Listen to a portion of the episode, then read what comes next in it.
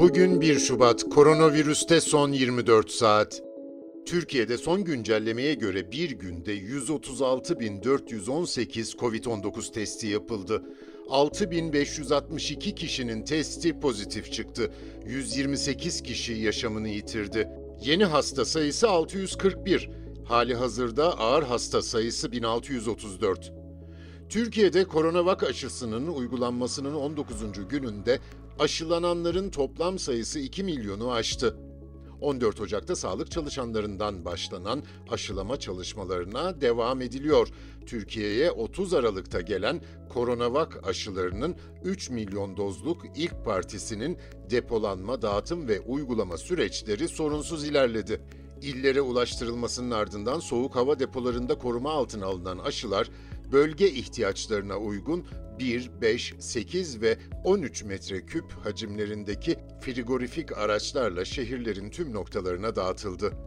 Türkiye aşı edinip de aşılamayı en hızlı yürüten ülkeler arasında. Tabii aşıların kısıtlamalara son verecek düzeye ulaşmasına daha vakit var.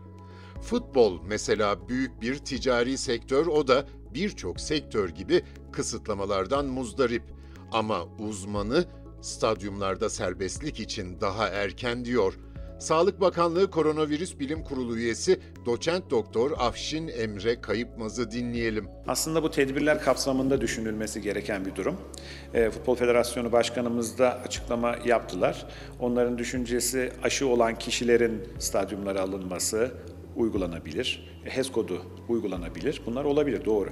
Ama üçte bir kapasite dahi olsa 30 bin kişilik stadyumda 10 bin kişilik bir taraftar yoğunluğuna yol açar. Şimdi taraftarlar kapılardan girip kapılardan çıkacaklar. Yani stadyum giriş ve çıkışlarında kalabalığı kontrol etmek zor. Ayrıca futbol doğası gereği birlikte seyredildiğinde, birlikte bir coşku yaşandığında eğlenceli bir spor. Doğal olarak da tezahüratı, birlikte vakit geçirmeyi, kol kol olmayı, yakınlığı seviyor. Tribünlerde o e, üçte bir kapasiteyle de olsa insanları birbirinden uzak tutmanız çok zor.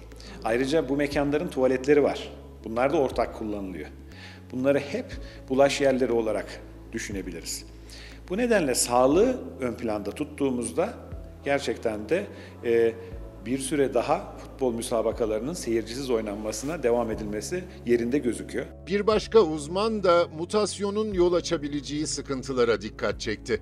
İç hastalıkları uzmanı Profesör Doktor Mehmet Sait Buğdacı, gerek Güney Afrika gerekse İngiltere orijinli mutasyona uğrayan koronavirüslerinin aşıların etkinliğini teorik olarak azaltma riski nedeniyle daha detaylı araştırılmaları gerektiğini belirterek mutasyonlu virüsün yayılmasının sınırlanması da son derece önemli. Yayılımın engellenmemesi halinde COVID-19'un Afrika mutasyonu küresel risk taşıyor dedi.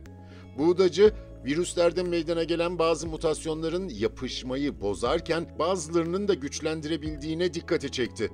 Dünyada şu ana kadar en yüksek sayıda aşının Amerika Birleşik Devletleri'nde ve İngiltere'de uygulandığını hatırlatan Profesör Buğdacı, İsrail'de ise sayı az olsa da toplumun %15'i aşılandı. Her üç ülkede de yeni vaka artışı kontrol edilemedi ve artış eğilimi sürmektedir. Ancak toplumun %60'ı aşı veya hastalığa maruz kaldıktan sonra aşının başarısını değerlendirme imkanı bulacağız. Virüsün daha hızlı yayılma eğilimi de erken iyilik halini baskılayabilir değerlendirmesini yaptı.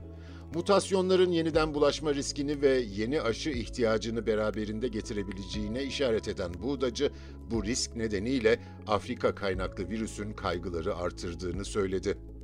İsrail yönetimi dün sona ermesi planlanan COVID-19 karantinasını 5 Şubat'a kadar uzattı.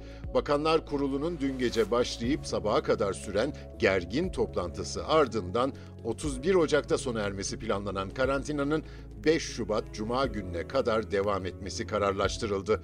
Bu kapsamda market, eczane, fırın gibi işletmeler dışındaki dükkanların yanı sıra okullarda kapalı olacak. Zorunlu nedenler dışında halkın evlerinden 1 kilometreden fazla uzaklaşması da yasaklandı.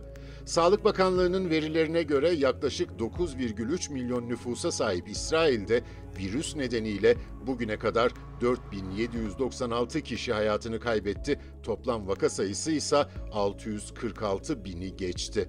Dünyada bugüne dek Covid-19 teşhisi koyulanların sayısı 103 milyon 570 bin. Toplam ölüm 2 milyon 239 bin. Bugünlük bu kadar. Hoşçakalın.